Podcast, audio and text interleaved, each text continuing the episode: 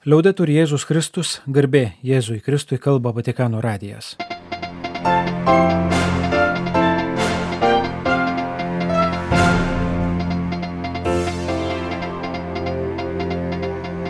Malonus klausytojai šioje programoje.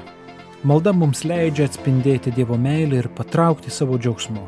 Popiežiaus audiencija pašaukimų šeimai. Slovenijos prezidentės vizitas Vatikane. Šventojo sosto spaudos salė. Misija Ukrainoje yra parengimo stadijoje. Baltarusijos politinio kalinio diena ir malda Romoje. Popiežiaus kelionė į Lisaboną ir Fatimą.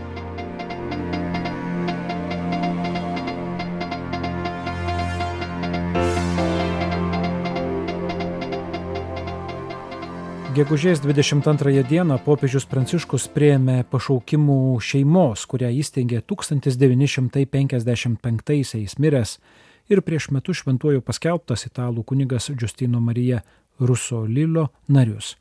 Kaip nurodo pats popiežiaus audiencijos dalyvių, kunigų ir pasauliečių asociacijos vardas, jų tikslas yra palidėti ir puoselėti pašaukimus, kuriuos dovanoja šventoji dvasia Pranciškus pasidalijo keliomis išvalgomis tą pačią temą. Visų pirma, pašaukimų globos misijai esminė yra intensyvi malda. La, la preghiera è la radice di ogni nostra attività, di ogni apostolato. Kiekvienos krikščioniškos veiklos yra paštalavimo šaknis. Tai, pasak Pranciškaus, turime visada atsiminti - ne struktūros, o malda. Kodėl? Nes per maldą ir adoraciją viešpats mus perkeičia ir mes pradedame atspindėti tėvo meilę tiems, kuriuos sutinkame gyvenimo kelyje. Tampame naujais, džiugiais, šviesiais žmonėmis. Ir būtent toks gyvenimo būdas ir gyvenimo pasirinkimas yra pirmoji pagalba pašaukimams, ypač jaunų žmonių, kurie mūsų veiduose gali pamatyti džiaugsmą, save dovanoti Dievui ir būti jo patraukti. Dažnai pašaukimai ypač specialaus pasišventimo gimsta tokiu būdu, sutikus kunigą ar vienuolį, kuriame ryškus žmogiškumo grožis, nenugalimas džiaugsmas, širdies taika ir švelnumas. Malda mus tokiais padaro, nepleiskime jos, kvietė šventasis tėvas. Kitas pašaukimo apaštalavimo elementas yra skelbimas, pamokslavimas, kvietimas. Nel contesto culturale odierno, infatti, mentre il senso della presenza di Dio Iš tiesų šiandienos kultūrinėme kontekste nykstant Dievo buvimo jausmui ir silpnėjant tikėjimui, gali atsitikti taip, kad asmenys, ypač jauni, nesugeba suprasti savo gyvenimo prasmės ir krypties. Galbūt pasitenkina gyvenimu diena iš dienos arba jį planuoja visai neklausdami savęs, koks jų tikras kelias, ką apie juos svajoja viešpats. Matome poreikį evangelizuoti, skelbti žodį, paprastai ir aistringai perteikti tikėjimo turinį, lydėti žmonės dvasinio atpažinimo procese, kalbėjo popiežius Pranciškus. Trečias popiežiaus paminėtas elementas neatsiejamas nuo pirmų dviejų. Liudytojas ir evangelizuotojas taip pat yra misionierius. Tai reiškia perduoti evangelijos džiaugsmą, kalbėtis, būti arti šeimų, šalia kunigų, šalia visos parapijos. Brangus broliai ir seserys, linkiu, kad visada būtumėte atvira erdvė, priimanti asmenys ir globojanti pašaukimus.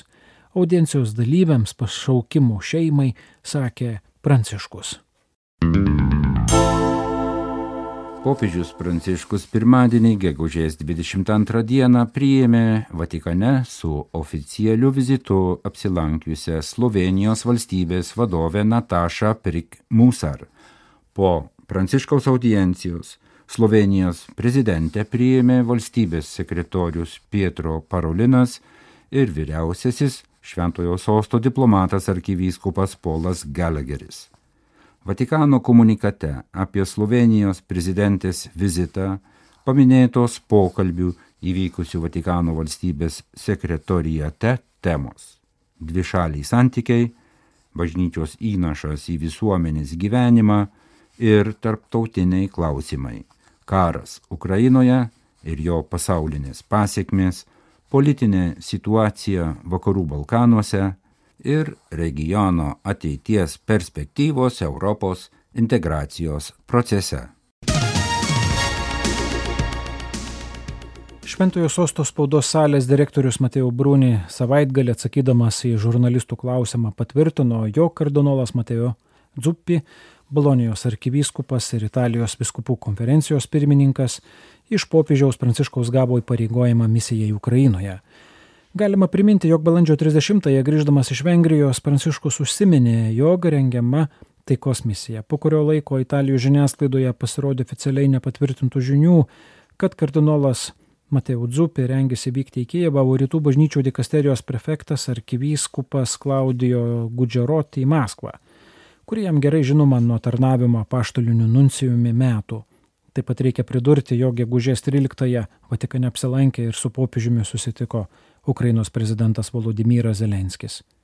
Šventojo sostos spaudos salės direktorius pridūrė, kad misija bus derinama su Vatikano valstybės sekretorietu, jos tikslas yra mažinti įtampą, su viltimi, kad tai padės atverti kelius į taiką. Tačiau Mateo Brunė taip pat pabrėžė, kad misijos laikas ir būdai yra studijų fazėje. Šventojo sosto spaudos salės direktorius nieko nepasakė apie arkivyskupą Klaudijo Gudžeroti.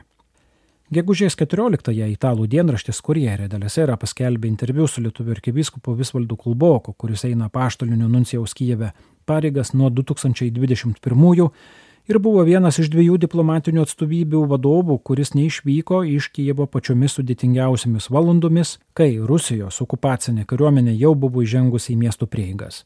Pasak arkivyskupo Visvaldo Kulboko, reikšminga, kad popiežius viešai prabilo apie taikos misiją. Negalima likti neveikliems, reikia belstis į visas duris ir viltis, kad viena iš jų pagaliau atsidarys. Jei nepavyksta, reikia bandyti iš naujo, logiškai ir žmogiškai, Mastant pripažino Vatikano diplomatinės misijos Ukrainoje vadovas, atrodo, kad nėra sėkmės galimybių. Bet, matote, mes esame tikėjimo žmonės ir mūsų, kaip ir diplomatų pašaukimas yra eiti pirmin, nepaisant nieko. Taip pat ir tada, kai situacija atrodo beviltiška. Mes turime atlikti savo darbą. Tai mes ir stengiamės daryti, sakė apaštalinis nuncijus Kyve Bisvaldas Kulbokas. Gegužės 21-ąją Romos centre esančioje rezurekcionistų bažnyčioje, minint Baltarusijos politinių kalinių dieną Lietuvos ir Lenkijos ambasados prie Šventojo sosto, sukvietė draugus ir bendražygius melstis už kenčiančius ir persiekiojimus brolius. Jau XIX amžiuje ši bažnyčia buvo tapusi mūsų regiono - Lenkijos, Lietuvos, Ukrainos, Baltarusijos - pabėgėlių prieglupščių. Lietuvos ambasadorė Prie Šventojo sosto ir Maltos ordino Sigita Maslauskaitė Mažilienė priminė, jog 2021 gegužės 21 labai tartinomis aplinkybėmis mirė Baltarusis Vituldas Ašurakas, opozicijos aktyvistas. Jis ko gero buvo nužudytas. Lietuvos ambasadorė pasakė žanginio Lenkijos ambasadorius Adamas Mariušas Kvetkovskis baigiamai žodį. Maldoje dalyvavo diplomatinio korpuso nariai, baltarusių ir lietuvių bendruomenių Romoje atstovai. Tikėjimo ir sąžinės laisvai skirtos maldos liturgijai vadovavęs rezurekcionistų bažnyčios rektorius Andžėjus Geniušas, su kuriuo koncelebravo ir popiežiškosios Šventojo Kazimiero lietuvių kolegijos Romoje kunigai Moze Mitkevičius ir Mykolas Sotničenka, Jėzaus žengimo dangun iškelmės dieną kalbėjo apie jos slėpinį švenčiame dieviškumo ir žmogiškumo triumfą tuo metu, kai kenčiame ir patiriame baisybės. Taip pat šiandien, kaip tai ypač patiria Baltarusių politiniai kaliniai ir Ukraina. Rezurekcionistų bažnyčioje palaidoti 3.19 amžiuje šią kunigų kongregaciją įkūrė steigėjai Dievo tarnai. Pasaulietis Bogdanas Janskis iš Lenkijos, kunigai Piotras Semenenko iš Baltarusijos ir Jeronimas Kaisevičius iš Lietuvos.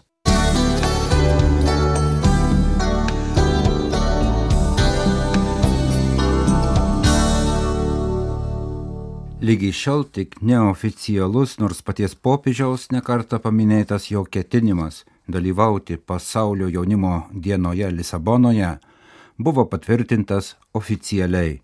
Kartu pranešama apie rūpjūčio mėnesį vyksiančios apaštališkosios kelionės metu planuojamą Pranciškaus vizitą Fatimos Marijos šventovėje. Šventojo sosto spaudos salės direktorius pirmadienį gegužės 22 dieną pareiškime informavo, kad popiežius Pranciškus būsimų pasaulio jaunimo dienų proga Portugalijos sostinėje Lisabonoje, priimdamas Portugalijos civilinių ir bažnytinių vadovų kvietimą, rūpiučio 2-6 dienomis lankysis Lisabonoje ir kad kelionės metu rūpiučio 5 dieną apsilankys 1917 m. Marijos apsireiškimų šventovėje Fatimoje. Spaudos salės direktoriaus Matėjo Brūnį pareiškimas paskelbtas dviejomis kalbomis - itališkai ir portugališkai. Gegužės pirmąją pusę pranešta, kad į pasaulio jaunimo dienas įvyksiančias rūpiučio 1-6 dienomis Lisabonoje jau įsiregistravo per pusę milijono jaunuolių iš 196 kraštų, įskaitant 16 300 savanorių ir 660 vyskupų. Lauksiu jūsų Lisabonoje, pareiškė vaizdo žinioje jaunimui popiežius Pranciškus. Jis paragino jaunimą pasirengti pasaulio jaunimo dienų džiaugsmui ir pripildyti jį viltimi. Vertybės, kurias atradome savyje, ryšiai su kitais jaunais žmonėmis iš kitų šalių, susitikimai, viskas lieka viduje, ypač jaunų žmonių stiprybė. Bažnyčia turi jaunuolio stiprybę, tad pirmin paragino Pranciškus. Popiežius įsakmei prašė įsidėmėti vieną pasirengimo pasaulio jaunimo dienoms paslapti. Norėdami gerai pasirengti, turite pažvelgti į šaknis, pamėginti susitikti su vyresniaisiais, pasisemti senolių išminties. Visada pirmin, lauksiu jūsų Lisabonoje. Iki pasimatymo, kalbėjo gegužės pradžioje paviešintame vaizdo sveikinėme popiežius Pranciškus. Savaitę prieš pasaulio jaunimo dienų Lisabonoje pradžią visuotinėje bažnyčioje trečiąjį kartą bus minima popiežiaus Pranciškaus įsteigta pasaulinė senelių ir senolių diena. Jos tema - jis maloningas per amžius iš kartos į kartą tiems, kurie jo klausosi.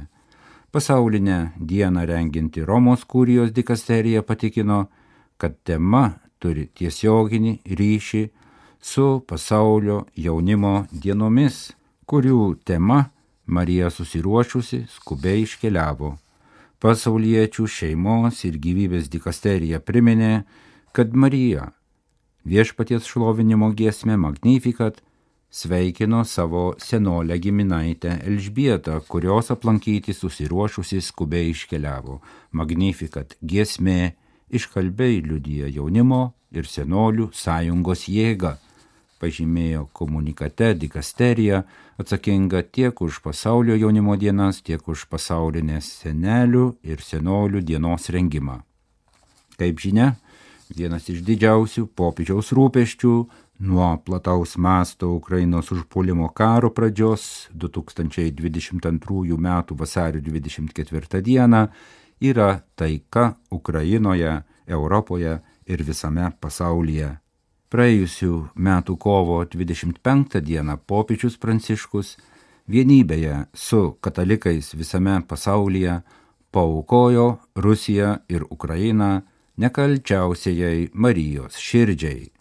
Visi bažnyčios vyskupai taip pat Lietuvoje kovo 25 dieną viešpaties apreiškimo švenčiausiai mergeliai Marijai iškilmės dieną maldas už taiką paukojo nekalčiausiai Marijos širdžiai.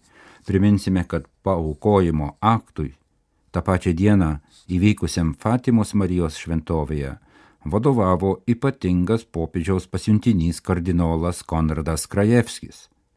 Paukojimo aktas tiesiogiai susijęs su 1917 metais Fatimoje įvykusių Marijos apsireiškimų žinia trims portugalams piemenėlėms po pirmojo Marijos apsireiškimo 1917 m. gegužės 13 d. vaikai Liepos 13 dienos regėjimo metu išgirdo Dievo motinos prašymą, kad Rusija būtų paukota jos nekalčiausiai širdžiai. Priešingų atveju Rusija paskleis savo klaidas pasaulyje, pradės karus ir bažnyčios persikiojimą. Nuolankieji bus kankinami, šventasis tėvas labai kentės, tautos žus. Pagal Fatimos apsireiškimų žinę, popiežius šventasis Jonas Paulius II net kelis kartus vienybėje su visa bažnyčia pakartotinai pavedė ir paukojo žmoniją Marijos nekalčiausiai širdžiai. Po pirmojo akto 1981 m. birželio 7 d.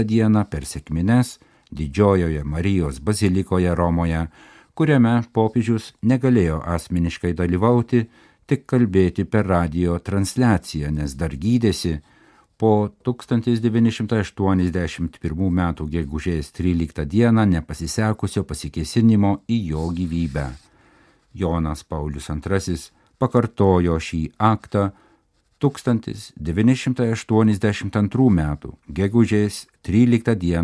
lankydamasis Fatimoje ir 1984 m. kovo 24 Romoje Šventojo Petro aikštėje dvasinėje vienybėje su viso pasaulio vyskupais.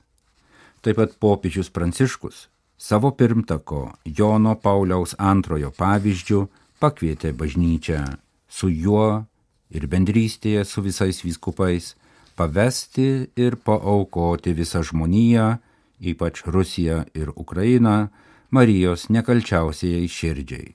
Paukojimo maldoje popiežius Pranciškus be kita ko meldė. Motina, mes norime priimti tave į savo gyvenimą ir istoriją. Šią valandą pavargusi ir nusiminusi žmonija kartu su tavimi stovi prie kryžiaus. Žmonija nori paukoti save tau, o per tave Kristui. Tave su meile gerbiančios ukrainiečių ir rusų tautos kreipiasi į tave, nes tavo širdis plaka joms ir visoms karo bado neteisybės bei vargo draskomoms tautoms. Todėl Dievo motina ir mūsų motina iškilmingai pavedame ir paukojame save, bažnyčią ir visą žmoniją, ypač Rusiją ir Ukrainą, tavo nekalčiausiai širdžiai. Priimk šį mūsų pasiaukojimą, kurio žodžius tarėme su pasitikėjimu ir meile. Suteik, kad liautųsi karas ir pasaulyje įsiviešpatautų taika. Iš tavo širdies išsiveržęs taip, atvėrė istorijos duris taikos kunigaikščiui. Tikime, kad per tavo širdį vėl ateis taika. Tau mes paukojame visos žmonių šeimos ateitį, tautų poreikius ir lūkesčius, pasaulio nerimą ir viltis. Tegul per tave žemėje išsilieja Dievo gailestingumas ir mūsų dienos vėl tegul slenka pagal švelnų taikos ritmą Moterie, ištarusi taip, ant kurios nužengi šventoji dvasia, sugražink į mūsų tarpą Dievo darną. Tu, kurie esi gyvasis vilties šaltinis, sudreikink išdžiūvusias mūsų širdis. Tu, kuri savo iščiose nuaudėjai Jėzaus žmogystę, padaryk mus bendrystės kuriejais. Tu, kuri vaikščiojai mūsų keliais, vesk mus taikos keliais. Amen.